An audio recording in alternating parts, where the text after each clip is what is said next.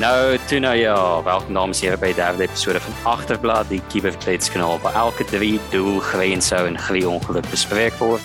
Ek is Hendrik Kubit, een van die mede-aanbieders van die program en saam met my vandag het ek die sportskoner paneel van Du Plessis, Willem Rautenbach en François van Sail.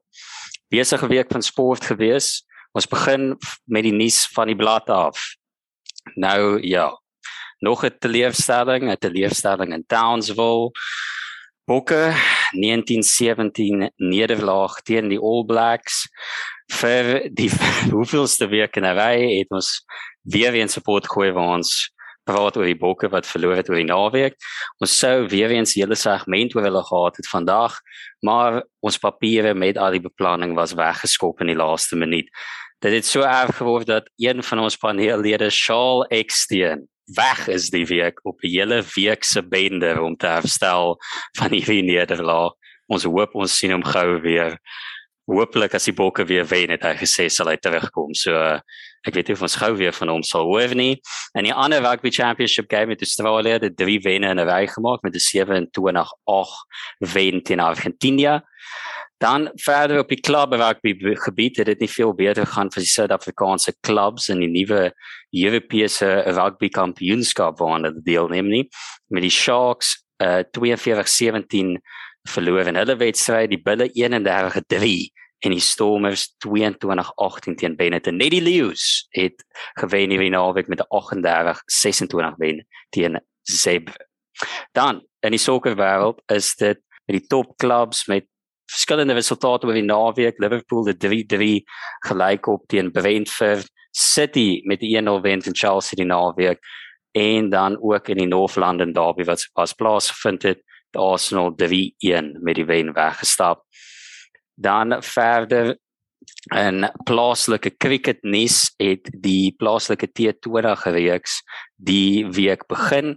Die SVD-WP en Lions het beide twee uit van hulle eerste drie wedstryde gewen en hulle sit bo aan die ranglys met die Noord-Kaap steeds op soek na hulle enigste wen.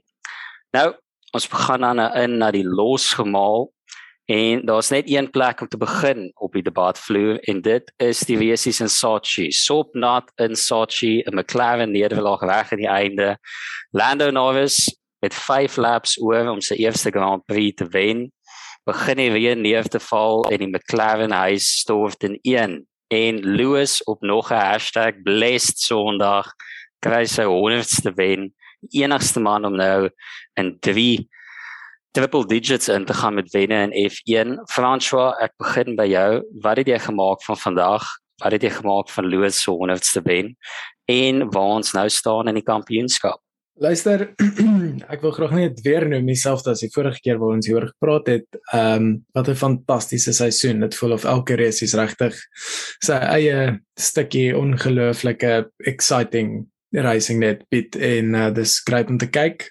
Ehm um, ja, ek dink jy het dit goed opgesom om te sê dit was maar die McLaren huis wat ineengestort het. Ehm um, Lando Norris het absoluut die die race is eintlik beheer tot die laaste rukkie waar die reën in 'n manier val waar die hemel uit en ehm um, ja, dit was maar uh, ek sal dit afskryf as ervaring wat my veroorsaak het dat hy net maar die verkeerde kol gemaak het en ehm um, ja, op die einde het hy betaal daarvoor. Hy definitief in my opinie die wen weggegooi en dit kan dalk maar ook net weer eens wees dat Lewis Hamilton se uh, #blessed seëninge weer eens neergestort het soos hier reën in Sochi. Ehm um, ek dink ons kan ons hoede definitief afval vir uh Verstappen wat van heel agteraf afgery het om uh neer te beer op uh Hamilton aan die einde half relatief ten minste um 'n fantastiese fantastiese rit van hom af. Ek dink dit was baie belangrik vir die kampioenskap gewees vir Hamilton nou met 2 punte voor is na die einde van dit. Uh dis absoluut uh, crucial gewees vir hom om hierdie die resultate te kry en ehm um, ja, het af vir Carlos Sainz ook wat weer 'n podium kry in 'n al rooi wasmasjien van 'n Ferrari. Ehm um, wel hulle definitief vinniger gelyk het as as wat hulle was deur hierdie seisoen en verlede seisoen. Net hulle nog steeds ja, hulle hulle hulle ry ver bo waar hulle moet wees en ek dink dis definitief as gevolg van hulle twee fantastiese drywers. Ehm um, ja, enige of die laaste comments wat ek kan maak is Bottas het 'n goeie race gehad wat opkom tot by 5de. En ehm um, ja, Alonso het amper weer sy Hongarye Grand Prix uh taktieke probeer trek op Lewis aan die begin deur hom verby te steek en om te probeer blok, maar hierdie keer het Hamilton bietjie meer die wysheid agter die ore gehad. Maar ja, fantastiese race, 100ste wen vir, vir Hamilton. Ehm um, dink dat dit 'n bietjie langer gevat as wat ons almal gedink het dit gaan. Ehm um, maar ja, dis sy 15 van die seisoen en ehm um, ja, ek dink dit was nodig geweest in die in die championship geveg vorentoe en ek dink veral nou waar ons nie maar Red Bull voordeel bane ingaan, is dit nodig vir elke punt wat hulle kan kry. Maar ja, wat het julle gedink van die resies? Ja, kyk, ek dink ehm um, hierdie was weer eens soos 'n voorbeeld van spanwerk, laat die plan werk, ehm um, in F1 en ek moet sê ek ek dink eerstens dit is sekerlik die ene resies waar ek die meeste foute by pitstops gesien het in een resies in 'n hele ruk. Ek dink aan stadige pitstops wat vir ouens kosbare posisies eintlik mag kos het. Goed soos Ricardo se Sainz Leclerc is dit beide Ferrari se wees um ek dink Bottas se eerste stop daar was 'n hele paar insidente in die pitlane waar ouens net ek weet nie die bande betyds kon opkry nie. En ek sê gou vir wat jy dink oor ek weet ek dink Norris kom nou nog onder baie kritiek want natuurlik soos ons gehoor het beide ouens heel voor. Toe dit begin reën het met 5 laps oor het gesê jy weet wat los ons buite dit reën net. Dit was hoofsaaklik by draai 5 gewees wat hulle gekla dit nat begin raak het. En Norris het gesê los my buite Lewis het gesê los my buite en toe hulle halfpad om die baan is op daai lap dit Mercedes vir Lewis gesê hoorie Lewis ek weet het jy het nog gesê los my ons moet jou buite los maar ons het die radar voor ons en dit gaan harde reën so kom in box die kar. En dit is al waar leierskap van die span vir my inkom waar hy dis half hy's 'n jong ouetjie natuurlik hy het 5 laps oor hy sien dit op die dashboard voor hom 4 laps oor dit word al hoe minder dis hier eerste wen. So natuurlik gaan jy half in die oomblik dink jy weet wat los my buite kom ek hou eerder die posisie. Maar dis waar jy as 'n span moet reageer op die ander span en sê hoorie ek weet jy wil nie die posisie noodwendig weggee nie, maar op die radar dit gaan nie werk nie. Dis of of was 'n oue wesies van Kimi Raikkonen. Ek dink dit was dis nog toe Turkye deel was van die kalender. Ek dink dit is 2001 en was dit 2004 dit is 'n resies waar hulle heeltyd uitgesê los my uit op die bande. Dit was al bande wat hy 40 laps op pap gery het. En toe sê hulle Alonso toe nog en Renault was agter en toe sê hy los my buite los my buite los my buite ek gaan tot die einde maak. En toe op die laaste lap toe ontplof beide sy voortyres is af van die baan af en Alonso wen dit ek dink net die leierskap van die span moes al vir 'n jong ouetjie daar kans gegee het eerder 'n cooler way te gee te sê kom in kom ons sorteer dit eerder uit. So ek sê gou wat julle dink daar in terme van leierskap wat om half daar gekos het. Ek weet wat jy gedink het die François terme van McLaren se besluit maak. Ja, kyk, um op die einde van die dag is dit 'n spansport soos wat jy noem en um die drywers se uh, dis eintlik 'n dis eintlik 'n moeilike um 'n moeilike scenario waarin jy die die drywer in die span moet sit want die drywer het natuurlik nou absoluut weet wat aangaan op die baan hoe voel die baan en ehm um, die die span moet luister daarna daar's 'n paar kere wat dit opset en hulle gaan stel. Ehm um, maar dan kry jy ook situasies waar byvoorbeeld ehm um, 'n drywer miskien regtig nie die die regte kom maak nou want hy nie kan sien wat op die reis van die baan aangaan nie wat op die radar aangaan nie. En uh, ja ek dink dit was 'n geval gewees van Norris het probeer klou vir alles wat wat hy kan. Hy wou nie enige risiko's neem in terme van tyd verloor in 'n pitstop nie in terme van die verkeerde bandkeuse maak en in 'n situasie waar hy nie kan ehm um, waar hy nie kan uh presteer nie of waar hy ja, waar hy net agter raak en op die einde het hy toe self die verkeerde keuse gemaak. Maar ek dink ook in so 'n geval waar jy 'n drywer het wat miskien nog nie so ervare is nie, ek dink is nou sy derde of vierde seisoen in in die kar. Ehm um, moet die span ook meer of sterker intree en baie keer begin net instruksies gee en sê luister, hier is die regte call. Hier is wat jy moet doen. Ehm um, so ja, ja, dis maar dis maar jammer dat dit so gebeur het, maar dis ook 'n les wat hy definitief gaan ehm uh, waardeer en onthou. Ja, kyk, jy wil ja al in 'n posisie sit soos Pierre Gasly en hy dink is toe nog 19 se Duitse Grand Prix waar hulle hom op weights gesit het, hy nog uh wel daai tyd nog daar was. Um op weights gesit het enigste op die baan hulle het dink hulle het al 'n vinnige move op dit gemaak dit is almal anders op device en die ou is net lap na lap na lap val hy net al meer terug en soos jy sê Norris ag hy's nog 'n jong ou hy's nog jonger as wat Lewis was toe hy begin het by McLaren. So uh, ek dink dit sal nog kom. Hy hy wys definitief talent en consistency soos die seisoen aan gaan Willem baie jy gemaak van die versies?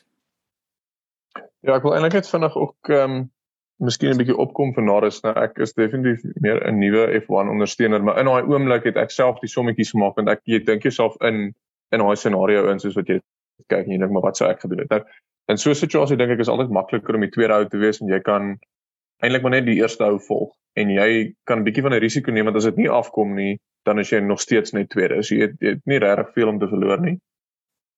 En ek dink Naris het daai sommetjie gemaak en hy het gedink daar's 3 4 laps oor as Loos nou pit en dit vat hom 25 sekondes is ek 5 26 27 sekondes voor hom met 3 laps oor. Al wat ek nodig het is dat dit vir 3 laps dat die dat dit net nie kwaai begin reën nie want om 25 sekondes op 3 laps op te maak is dit moet kwaai begin reën vir dit om te gebeur. Dit is ongelukkig wat toe gebeur het. En ek verstaan nie wat is 'n groot analise en jy weet mense kan jy kan gaan kyk na hoe die weer gaan lyk en so aan maar ek dink ook Nadas sou net nie verander wat al die hele resies vir hom gewerk het nie. Ek dink hy het redelik uh, consistent gery voor. Ek dink hy het baie gemaklik gery ek dink hy het gedink just more of the same. Kom ek hou net uit al skiet my lap times na jy weet 1:45 toe is dit okay, dis nog net 3 laps. Dis minder as 6 minute se ry vir my om by die podium uit te kom. Ongelukkig het dit nou nie so vir hom uitgewerk nie. Maar ek kan ek dink is maklik om terug te kyk en sê dit was die verkeerde call. Maar ek dink dit kon baie maklik kon dit aan die ander kant toe ook gegaan het. En ehm um, ek dink hy gaan leer. Hy is 21 jaar oud. Toe ek 21 was, was my grootste besluit, jy weet, of, of ek 'n tafellager of 'n windhoeklager gaan koop by Tops op 'n Vrydag aand. hierdie hierdie man is besig om besluite te maak om teen jy weet een van die beste F1 bestuurders in alle tye 'n race te probeer wen. So ek ek gaan ek gaan dit vir hom. Ja, ehm um, ek dink nie dit is 'n besonder moeilike besluit tussen 'n tafellager en 'n windhoek nie. Ehm um, maar maar nou ja. Uh ek ek wil net sê vandag was die eerste F1 races wat ek van die begin tot die einde gekyk het. So as so iemand is wat nie te tot hierdie is regtig ek. Um, en ek en ek dink dit is waar wat hulle sê dit terugskouend is dit maklik om te sê dit was 'n verkeerde besluit. Maar ek dink as mens dit vat weg van die races af na die breër prentjie toe, kon McLaren eintlik in ag geneem het dat Hamilton is hoog op in die championship. Dit is vir hom belangrik om 'n redelike finish te hê. So sou hy regtig op harde bande gebly het as dit begin reën het en die risiko geloop het dat iets heeltemal verkeerd kan gaan en hy verder af kon val. Ehm um, ek dink iets is wat hulle in ag kon geneem het. Ehm um, want as ek byvoorbeeld in Hamilton ag in Hamilton se posisie was, dink ek nie daar's 'n regte kans gewees het dat ek nie gaan pit het nie want in die breër konteks het hy soveel meer om te verloor as om miskien een resies te wen want dit is hy uitgespin het en 5 6 plekke afgeval het dan dit kon hom baie meer gekos het um, as wat hy sou kon wen dink ek.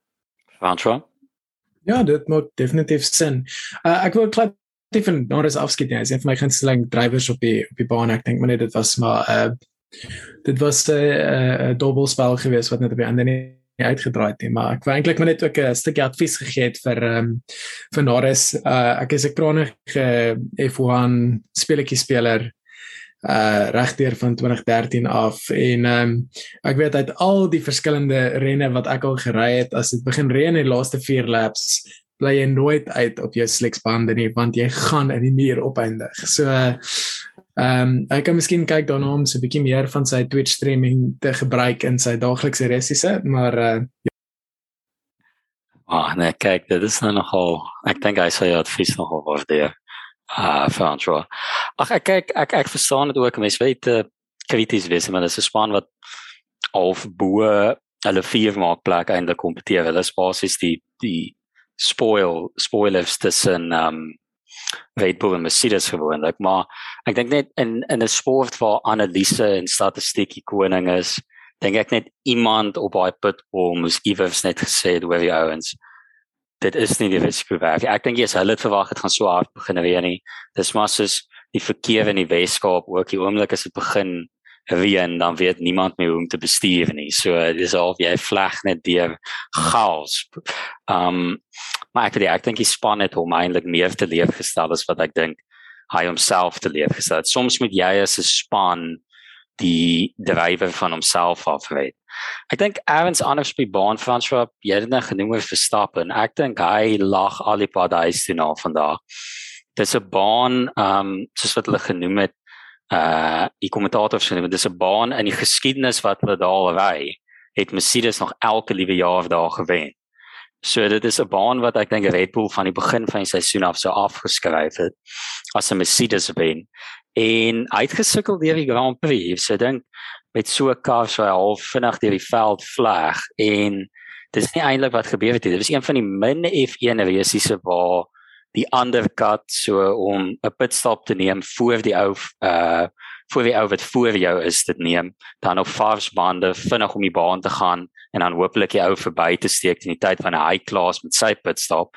Maar dit nie gewerk het nie. Is half gewoonlik is dit die die go-to strategie in F1.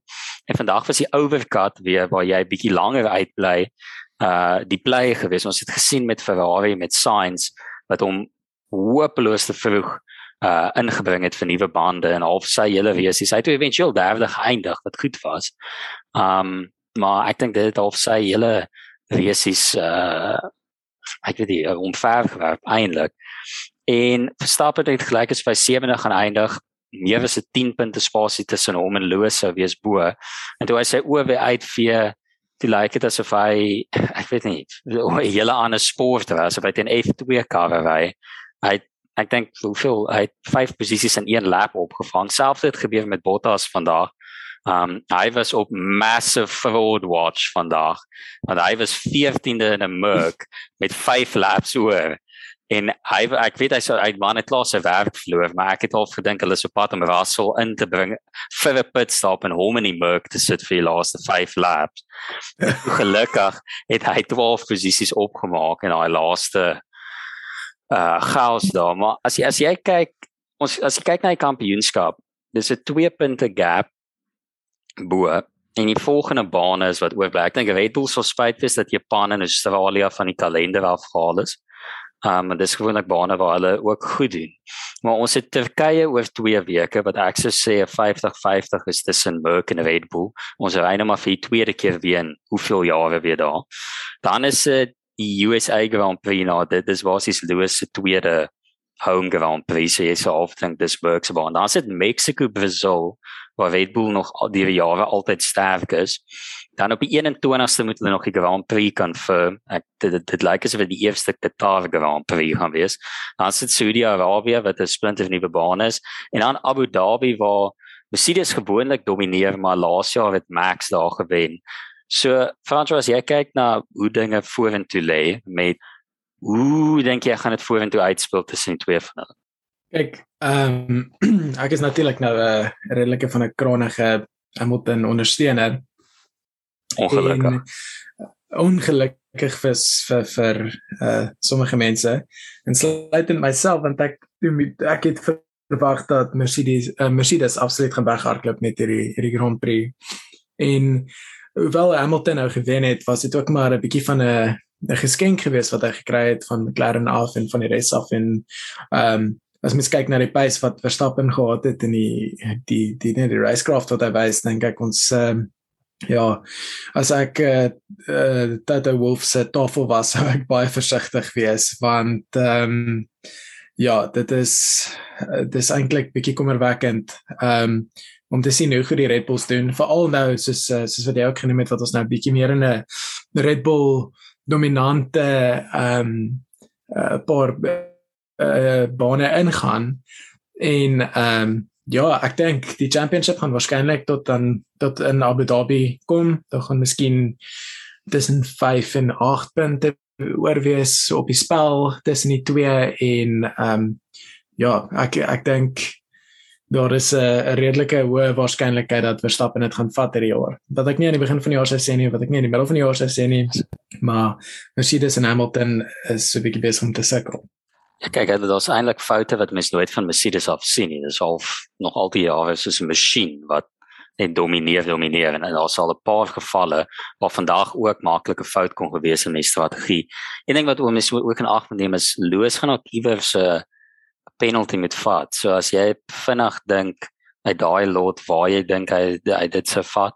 Ek sê dink dink toe aan USA want ek dink daai Merc sal nog hol dis 'n maklike baan om verby te steek. So ek weet nie of jy al bietjie gaan kyk en gedink het ja. waar jy dink hy dit sal vat. Ek ek het self uh, nou eintlik gesit en wonder daaroor terwyl ek um, besig was uh, om bier te drink en F1 te kyk by Gino's die pizza plekkie in Stellenbosch. Ehm um, dit ons 'n bietjie van 'n gesprek gehad daaroor en ek ehm um, die enigste plek wat logies sou sin maak is om die penalty te vat in ehm um, en en Qatar of al in Amerika net juis omdat dit so maklik is om verby te vat en Hamilton is as 'n goeie drywer en ehm um, hy is 'n bewese uh kom ons sê lost the first tipe van uh drivers so ek dink hulle sal dit waarskynlik daarso wil doen. Ja, stem saam. Okay, so F1 lyk like goed. Ook 'n uh, naweek propvol Premier Liga sokker. Ehm um, as ons kyk na die bokant van die uh, liga tellbord is dit United Chelsea City gelyk op punte, Liverpool 1 punte voor en die massive club Brighton staan 'n kans vir maandag aand top of the table te gaan met Event Palace. Willem, wat het jy gemaak van die naweek se sokker? Ehm um, wat se resultate het vir jou uitgestaan en waar dink jy staan ons nou na ses wedstryde in die Premier League? Ek dink die een resultaat wat definitief vir my uitstaan is as 'n groot Arsenal ondersteuner wat ons nou net basies net vir ons hierdie uh, potgooi opneem. Het ons nou net vir Tottenham Hotspur 3-1 gewen Smith Rowe, Saka, Aubameyang het geskor. Dis ouens wat hierdie akademie gekom het. Jy kan die passie sien wat op die ouens se gesigte is wanneer hulle speel. Dit dit maak regtig vir hulle saak. En dis net vir my so lekker as ondersteuner om te voel dat die ouens wat speel net so baie soos ek omgee oor die klub. Nou ek verstaan dit is bietjie anders want hulle is dis hulle professie en so aan, maar as ouetjies deur die akademie kom van 10 jarige ouderdom by die klub is en dan op die groot, jy weet op die op die in the big leagues as hulle dit daar maak, dis regtig lekker om te sien. So vanuit 'n emosionele oogpunt het dit vir my was dit vir my 'n baie belangrike resultaat. Ook as jy as jy gaan kyk wat waar ons 3 3 weke terug was. Toe Tottenham 9 uit 9 punte gehad het, Arsenal het op 0 uit 9 gesit. Tottenham was heel bo in die in die punteleer, Arsenal was omtrent heel onder. En dit wys net hoe lank tyd 2 weke met 3 naweke eintlik is in sport. Ons het gegaan van laaste tot 10de en Tottenham het gegaan van eerste na 11de toe. 'n uh, ander resultaat wat vir my uitgestaan het hierdie naweek was definitief die City Chelsea game. Dit was 'n massiewe game vir vir die vooruitsigte van die liga. Ek dink City het um, City het om 1-0 gewen. Ek dink dit dit was goed om net al die spanne weer bietjie bymekaar te kry met punte. Ek dink Chelsea sou sou voorgetrek het as uh, voorgewees het as hulle die game gewen het ek dink 'n nog resultaat wat vir my wat vir my uitgestaan het was die United een maar vir ander redes. Ek dink United sukkel eintlik al vir 'n tydjie om eerlik te wees. Ek dink nie hulle speel goeie sokker nie. Ek dink hulle sukkel al vir 'n tyd en hulle was al redelik 'n paar keer baie gelukkig met goed gebeur het. Ons gaan kyk na die game teen West Ham. David De Gea het iets soos 24 penalties laaste penalty gesave en hy save dit in in Mark Noble 'n penalty in die laaste sekonde net vir 'n penalty ook. ja, nee nie so vrot soos Bruno Fernandes en gister nie, maar hy is hy nog steeds. Hy gaan nooit weer penalty in sy lewe vat, hy maar so so later al hy. ja, so dit was my interessante resultaat iets wat my baie snaaks is as jy weer na daai game gaan kyk, as jy kyk na Emi Martinez. Eerstens die ou het 'n het 'n absolute reputasie vir soos hulle sou sê trash talking met penalties. Hy moes in die Copa America waar hy vir Argentinië speel, moes hy fisies jammer sê hoe hy opgetree het met 'n penalty wat Argentinië gekry of teen Argentinië was. Hy het eerstens toe Bruno Fernandes die bal optel en daar gaan staan, het hy Emi Martinez nou die hele tyd na Ronaldo toe gegaan en vir hom gesê hy moet dit kom vat. Yes, is 'n baller. Ehm um, ja, net ek dink om bietjie onder Bruno Fernandes se vel in te kom want obviously weet almal dat dit is 'n is 'n ding waar almal gewonder het wie gaan die penalties vat by Manchester United. En toe toe die penalty oorgaan gaan kyk na wat Martinez gedoen het uit omgedraai en 'n uh, bietjie van 'n dansie gedoen vir die vir die United ondersteuners. En die ou gee net nie om nie. En dit is vir my baie snaaks om te kyk. So dit was my interessante resultaat. Dit was eintlik my meer United sukkel die afgelope tyd. Hulle het teen West Ham verloor in die in die League Cup. Hulle het in hulle het, ek dink amper dit was Young Boys verloor in die ja, Champions League. Ja, jong manne. 2-1. Ja, die jong manne. En hulle het nou verloor teen Aston Villa. Wat 'n goeie span is. Aston Villa definitief vir Chelsea onder baie druk gesit laasweek, maar nie meer die resultaat weggekom nie. En dan die laaste resultaat wat vir my uitgestaan het was die Liverpool Brentford game. Ek dink dit was 'n uitstekende wedstryd. Dit was 'n yeah. uitstekende advertensie vir vir sokker en vir die Premier Liga. En ek dink mense onderskat vir Brentford.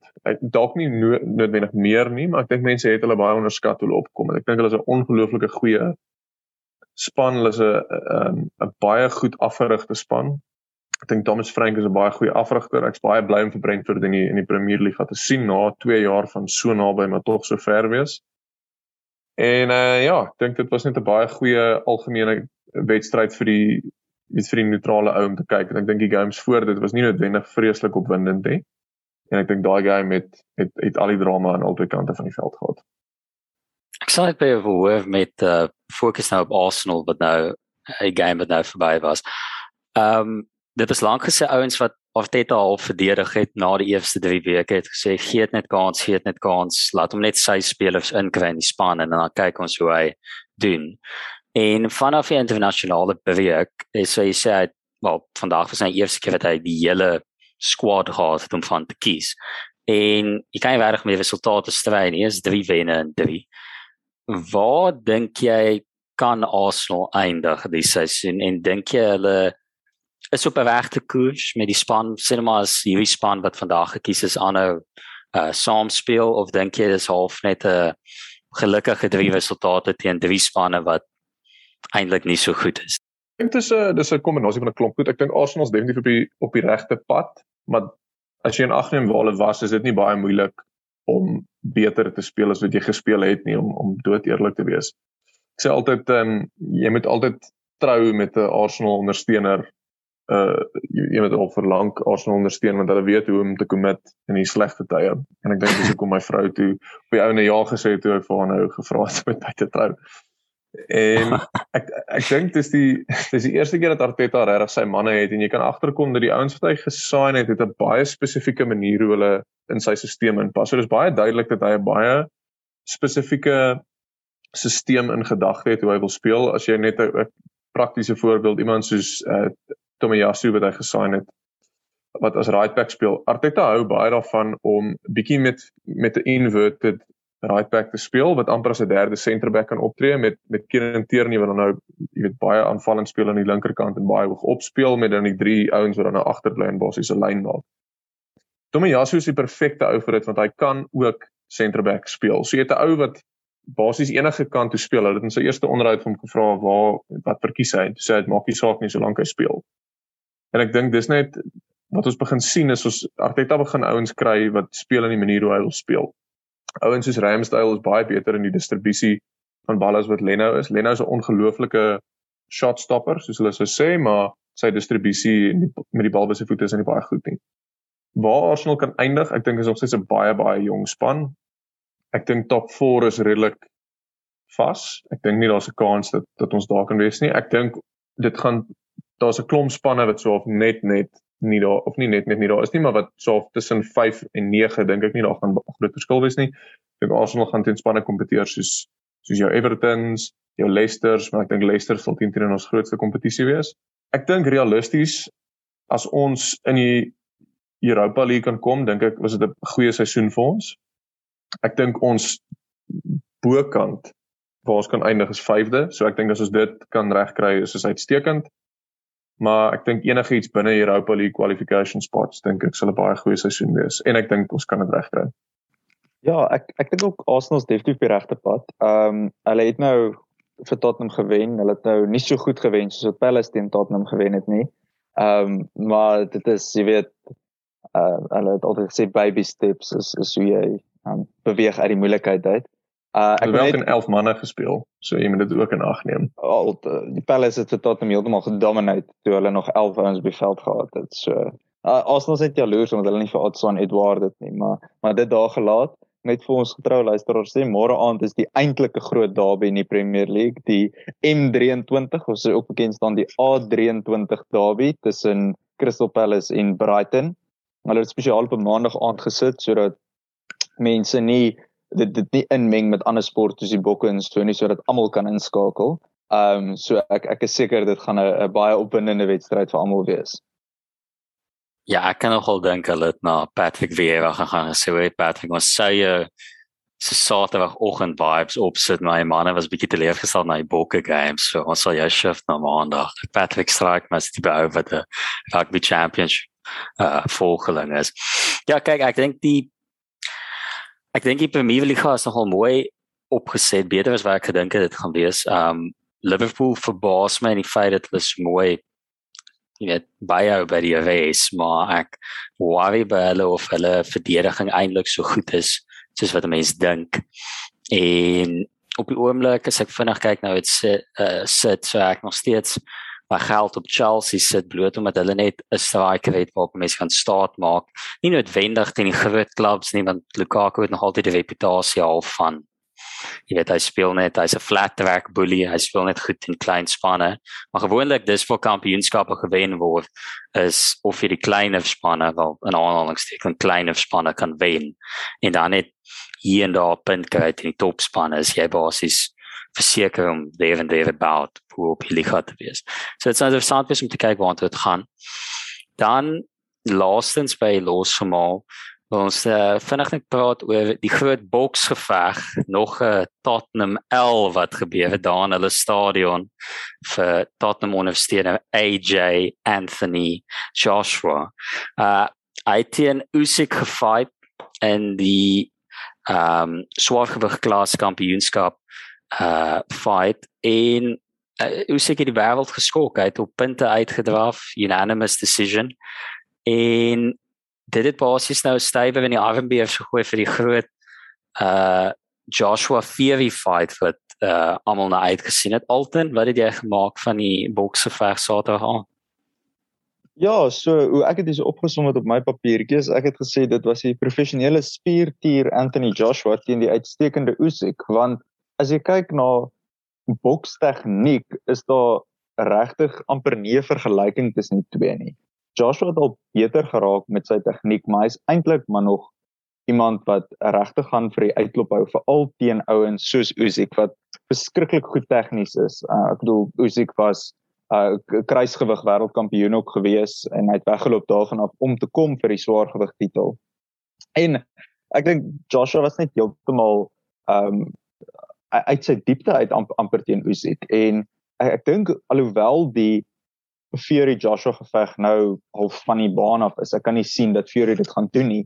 Dink ek tot 'n mate dis eintlik goed vir Joshua want as hy so gesukkel het teen Usyk wat tegnies fantasties is, maar baie kleiner as hy is, dink ek dit sou soveel erger gewees het teen Fury. Fury is net so goed so tegnies soos Usyk en dit nou nie beter is nie en hy is aansienlik groter. Ehm um, so ek dink dit gaan 'n baie goeie geveg wees as ons ooit of binnekort vir Usyk en vir Fury sien. Ehm um, maar ja, ek ek weet nie waantoe Joshua gaan hierna nie. Ek het gekyk na die wêreldranglys van vir, vir die swaargewig kampioenskap en ek ek kan nie sien wie regtig sy volgende opponent is en en hoe hy sy loopbaan amper uit die as gaan laat verrys hierna nie. Ek sien dis die dis die moeilike ding. Ek ek weet nie wie se ooit 'n bokser wil wees nie want jy's so lank oefening vir maande aan end. Ek ek dink aan Usyk wat gepraat het dat hy vir 6 maande lank nie sy gesin gesien het nie in voorbereiding vir die geveg Saterdag aand. En jy, jy weet jy kan so baie sukses bereik en as jy een nederlaag basies vat dan dan's almal soos okay jy jy loop ons verby dis klaar slide dit af dis daarmee een en die probleem is met Joshua almal sê nog heeltyd okay ja hy het 'n mooi uitklop hou maar as iemand in die kruit klim met hom wat net 'n bietjie tegniek gaan hy expose word. En dit het gebeur. Die die Anthony Ruiz fight kon mens nog dalk sê jy weet wat hy het hom half gevang toe hy hom nie verwag het nie. Jy weet wat uit Anthony Ruiz sien hy lyk soos 'n ou wat net uit 'n kroeg uitgestap het en toe ewe skielik dis Joshua daarmee in. En hy hy het al right gedoen in die in die in die tweede geveg, maar daar het ook probleme uitgewys en ek kyk net na Usyk dit hy was die enigste ou wat ek weet of Joshua half die die, die stress vir iemand het vir my genoem ook toe hy uitstap uit half gelyk is of hy al baie relaxed lyk like, my of 'n tipe ding van kom ek maak asof ek kalm is maar binne klop sy hart baie vinnig. En Usyk was die enigste wat vir my aangeval het in geveg. Hy was konstant hy was so fiksheid was so uitstekend. Regtig gewerk. Het al verdink die eerste rond te sê sy die ou is vinnig en hy's raad sy kon half sien hy's 'n ou wat van 'n ligter gewig opbeweeg het na 'n swaar gewig waar hulle gewoond is meer aan ouens met krag wat nie veel beweeg en vinnige houe gee nie. En hy was oral oor Joshua. Half lyk asof sy kop spin later aan. En ek dink hy het oral terugkom aan die einde het Usyk ek dink Joshua was gereed in die 12de ronde. Ek dink hulle vroeg die die die die of die klok gelei want dit gelyk is of hy op pad uit was asof hy op pad is om jy weet gekei uit te word vir sy eie skare dink jy as jy vinnig aan dink een dink jy Joshua gaan nie gaan die rematch wil vat? En as hy die rematch vat sien jy enige manier dat hy die man klop? Want dit is sy enigste pad vorentoe om teen Fury te fight alhoewel ek dink dit gaan sommer gebeur nie. Maar ja dink jy hy sal die sal die rematch vat Ja, dit vir my nogal snaaks is is um Anthony Joshua het gisterand uitgeloop op 'n uh, uh, liedjie uit Rocky 4 uit. Um maar in sy vorige veg teen Anthony Ruiz het hy teen iemand verloor wat meer soos Paulie as soos Rocky lyk.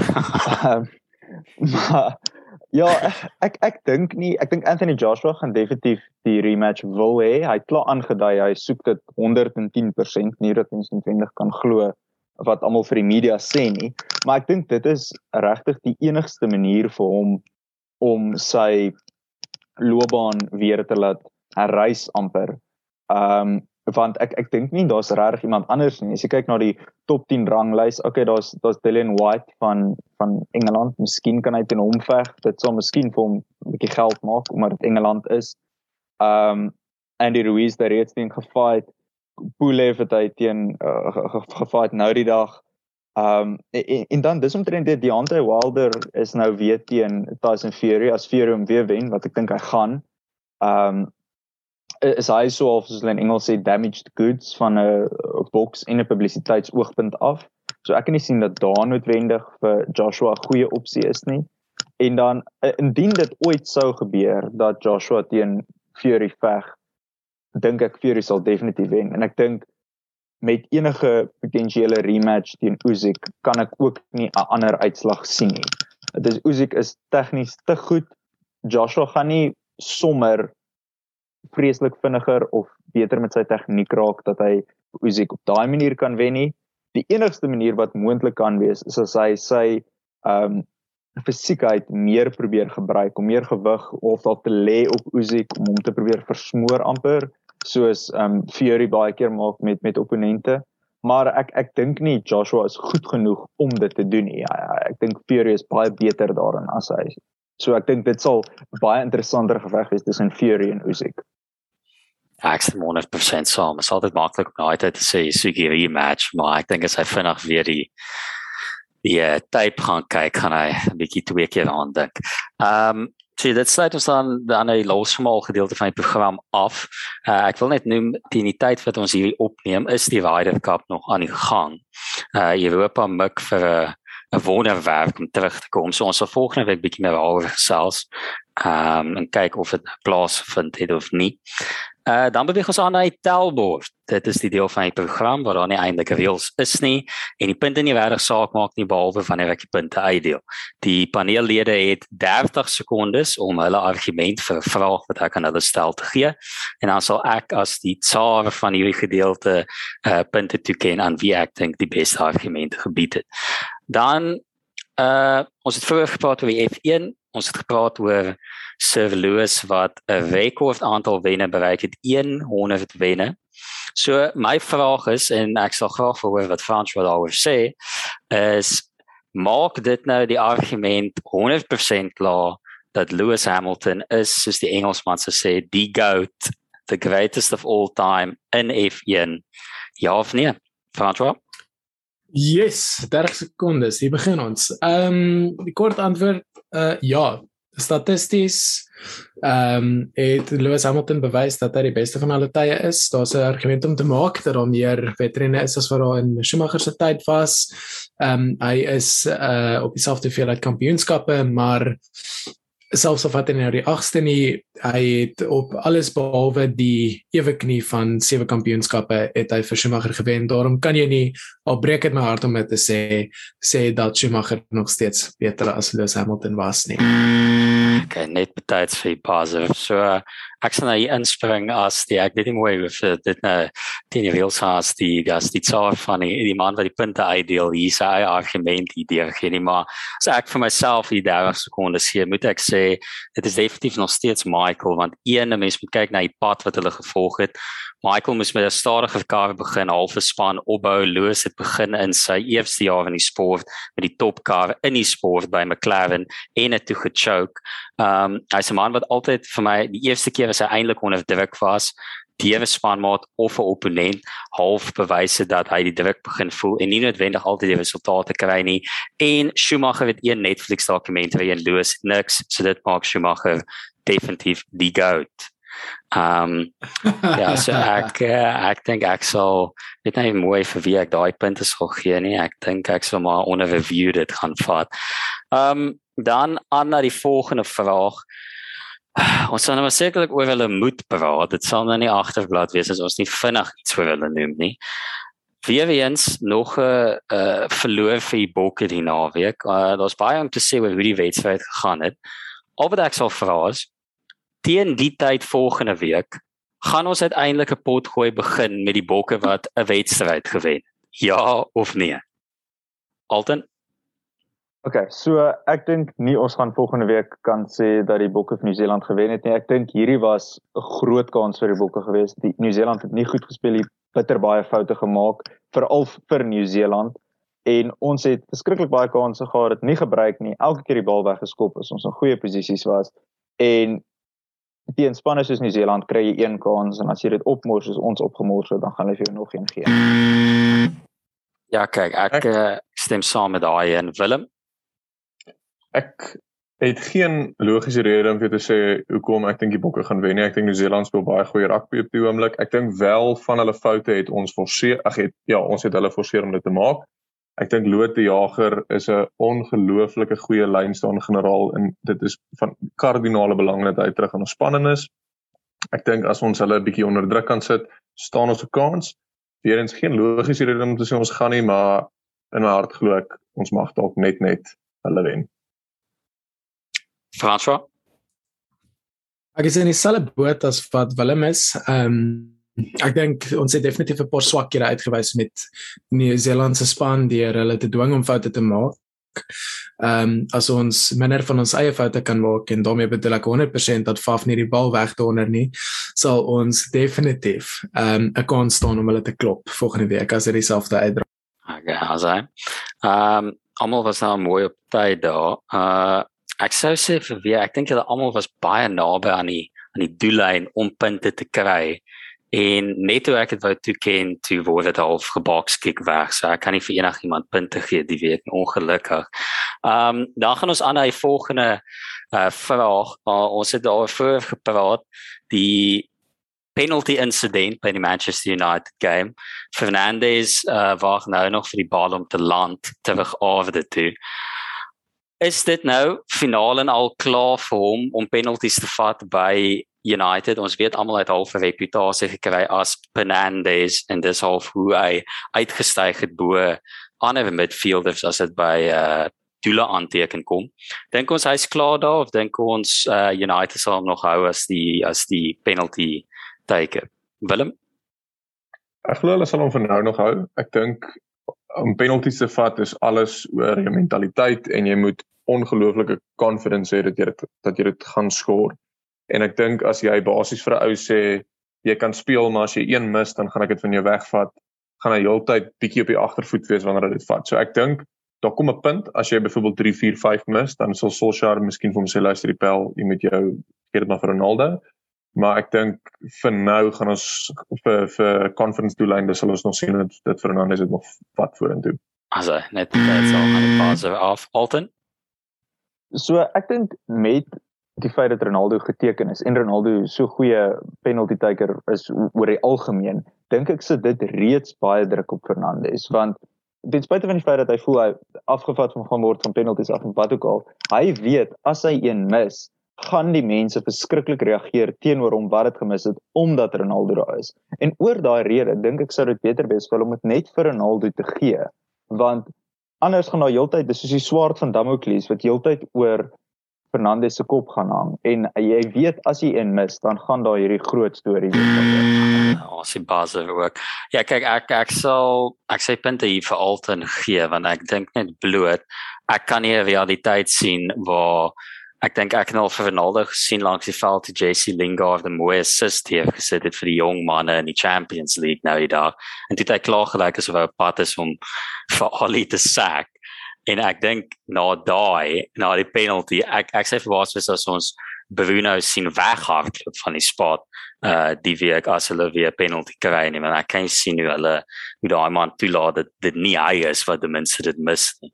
Um dan laastens wil ek vra oor ons het gesien dat City vir Chelsea geklop het 1-0. Meeste mense sou sê by die game gekyk het dat City het soveel kansse gehad dit kon sekerlik maklik 4 gewees het en dit bring weer die debatsvraag op of City die Premier League kan wen sonder 'n uh, wêreldklas striker voor. Ek ek het amper gesê sonder 'n striker, maar mens vergeet altyd van Gabriel Jesus wat eintlik al is. Maar dink ons dat dat hulle net met hom die kampioenskap kan wen? Willem Ek glo so, ek dink City die manier hoe hulle speel is hulle gaan elke wedstryd omtrent 8 of 9 kansse skep. En ek dink as jy kyk, hulle dis nou absoluut ek spekuleer net, maar ek dink hulle conversion rate van kansse gaan al kleiner wees as byvoorbeeld die Chelsea wat 'n uh, Lukaku het. Maar ek dink hulle gaan net soveel kansse skep elke game want hulle het sulke tegniese spelers en sulke hoë kwaliteit spelers oral oor die veld dat hulle 2 uit hulle 8 kansse gaan skoor elke game en ek dink hulle staan nog steeds 'n goeie kans. Ja, dis 'n goeie argument Alton.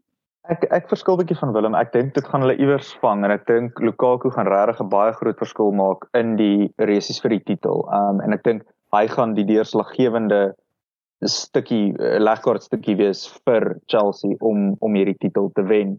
Um ek dink wat eh, City miskien sou hoop gebeur is dat Harry Kane so sleg is dat Tottenham net van hom ontslaaw word raak iewers die seisoen dat hulle hom om kan kry. Ehm um, want ek dink as City vir, vir Kane gehad het, het hulle hierdie kampioenskap ver gewen.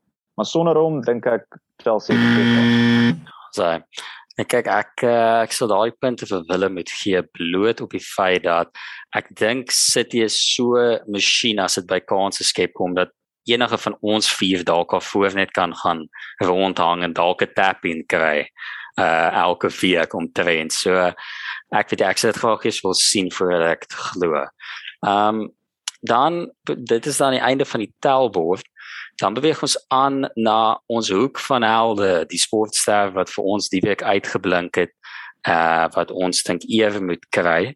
So ek sal graag vir wie eerste wil gaan nie, hulle hoek van helde kandidaat vir die week. Willem?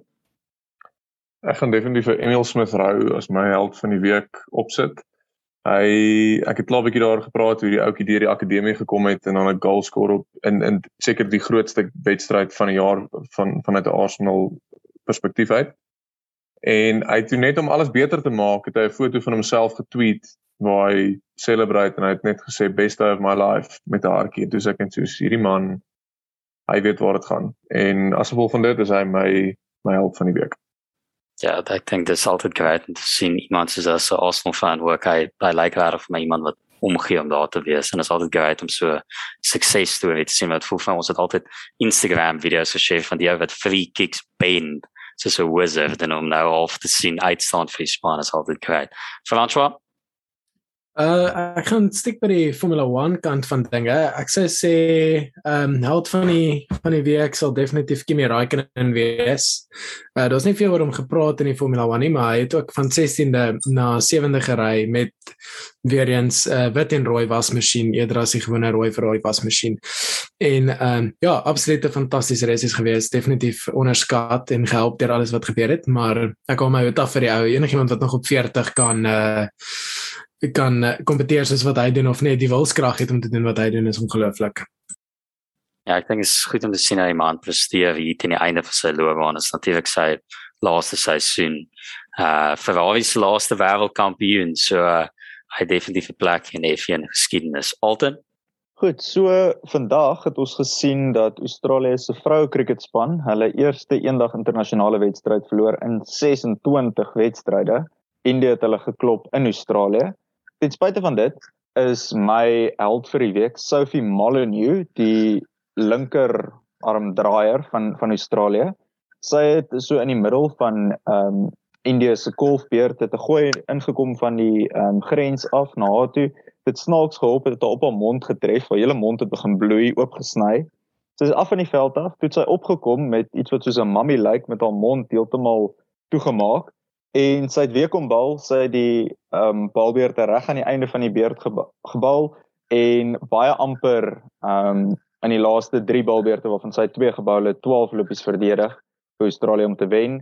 Sy kon dit ongelukkig nie doen nie, maar net vir die braafheid en daai veggees is Sophie Molyneux my help van die week. Ja, ek dink dis nogal 'n goeie kandidaat. Ek dink dit vat nog baie wilskrag om uit te kom en so iets weer te doen. Ehm um, ek gaan dit half hou in die lyn van half jy weet hout in die mond vat en ek gaan dit weer terugvat na die boks. My held van die week moet Alexander Usyk wees bloot omdat voel vir my alipad op na die fight het almal gepraat van ja, dis 'n opwarmingsfight vir Anthony Joshua, dis sy setup fight vir die vir die Fury fight. En toe kom die man wat ek dink nie veel aandag gekry het nie en skok eintlik vir almal om 'n gewigsklas op te beweeg en om te klop. En bloot net vir sy interview in die ring na die tyd. Gewoonlik is ouens soos ja dit was 'n moeilike fight. Um ek wil net krediet gee aan my opponent. En toe hulle hom vra wat het hy gedink van Joshua? Sê hy net ja dit was eintlik so 'n moeilike fight en dit was eintlik heel rustig. En dit is 'n uh, balle remove om te doen met 70000 mense wat almal wou gesien het hoe jy verloor om net te sê ja, dit was heel gemaklik. Dit is eintlik heel rustig, ek kan baie beter doen. So hy is definitief my held van die week. En dit dames en here is die eindvletjie wat blaas soos wat ons besewingstyd intree vir die week se episode. Dan wil ek net vir die manne vra wat is iets waarna ons moet uitsien in die week wat voorlê in die sportwêreld? Enigiemand wat daar wil begin? Ek dink iets wat ehm um, dit gaan dalk 'n bietjie laat wees teen die tyd vir die episode uitkom, maar die Blitsbokke speel vanaand in die semifinaal. Hulle het die vorige toernooi gewen in Vancouver. Hulle is nou in Hong Kong. Ek glo hulle speel teen Kenia in die semifinaal, buiten as ek heeltemal verkeerd is. Maar ek dink ons staan 'n baie goeie kans om te wen want Nieu-Seeland en Fiji mag nog nie deelneem weens COVID nie. So dis 'n maklike twee toernooi wat ons behoort te wen en ja, ek sien uit om om dit later vanaand te kyk. Ja, ehm um, ek uh, ja, nou hierdie naweek is ek eintlik huiwerig om te sê, maar ek sien tog eintlik uit na na die Bokke game wat nou weer opkom. Ek dink hy's hierdie naweek, jy kan my uh, regwys as ek verkeerd is. Uh ja, maar ag ek sien uit om te sien of ons hulle actually weer kan klop en of of en of ons uh, regtig nou nederlaag gaan uh gedien word deur die man in die swart. So so vir my hierdie week, ek ek dink eintlik waarna ek uitsien is om nou net 'n paar dae sonder sport hê na die fantastiese wedstryd van Crystal Palace môre aand waar hulle ongetwyfeld vir Brighton gaan trap. Om net 'n paar dae te hê om te herstel van die naweek wat verby is, dink ek sou baie welkom wees en dan hopelik mik ek om teen donderdag te begin voorberei vir die wedstryd Saterdag want ek ek is vas oortuig daarvan dat as ons hard genoeg hoop en miskien 'n paar windhoeks nie tafels nie drink ons die bokke deur kan sien in in Australië teen Nieu-Seeland. Ja, ek ek hoop ook so. Ek sal sê die week gaan ek by sokker hou. Ek sien uit na die Abu Dhabi wat die week in die Champions League plaasvind. Die olie magnate van PSG teen Man City. Ek dink dit gaan 'n goeie wedstryd wees. Dit is interessant uh om te sien of Pochettino nog 'n werk gaan hê teen die einde van die week. Want al wat ek sien uit Parys uit is insidente in uh bekleierery met uh Lionel wat nou daar is. En ek dink ja soos die ouens gesien het uh gesê het um sien ek ook uit na volgende week. Ek sien uit na hopelik om te praat oor bokke wen uh hopelik beteken dit dat Charles dan terugkeer anders as ons volgende week verloor. Dink ek nie sou ons ooit weer van die manne hoor nie hopelik uh, het hy emosioneel herstel van die nederlaag die naweek en dan. En dames en here dis dan dit. Ek dank sê vir almal wat geluister het. Ehm um, dit was baie lekker geweest en ek sien uit na volgende week. Tot volgende keer. Totsiens